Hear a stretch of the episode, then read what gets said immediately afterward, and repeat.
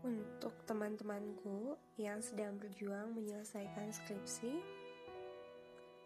semangat terus ya, kamu gak sendirian kok. Empat tahun bukan waktu yang sebentar. Kalau kamu berhenti sekarang, sia-sia dong semuanya. Rasa lelah, rasa capek, pengorbanan, waktu semuanya akan indah pada waktunya.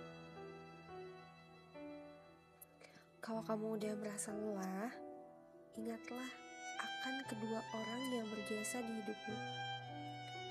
Yang selalu mensupportmu, yaitu orang tuamu. Ingatlah senyuman mereka saat melihatmu menjadi sukses dan berhasil. Jadi intinya Semoga di tahun ini kita semua bisa menyelesaikan skripsi dengan baik meskipun ada pandemi COVID-19.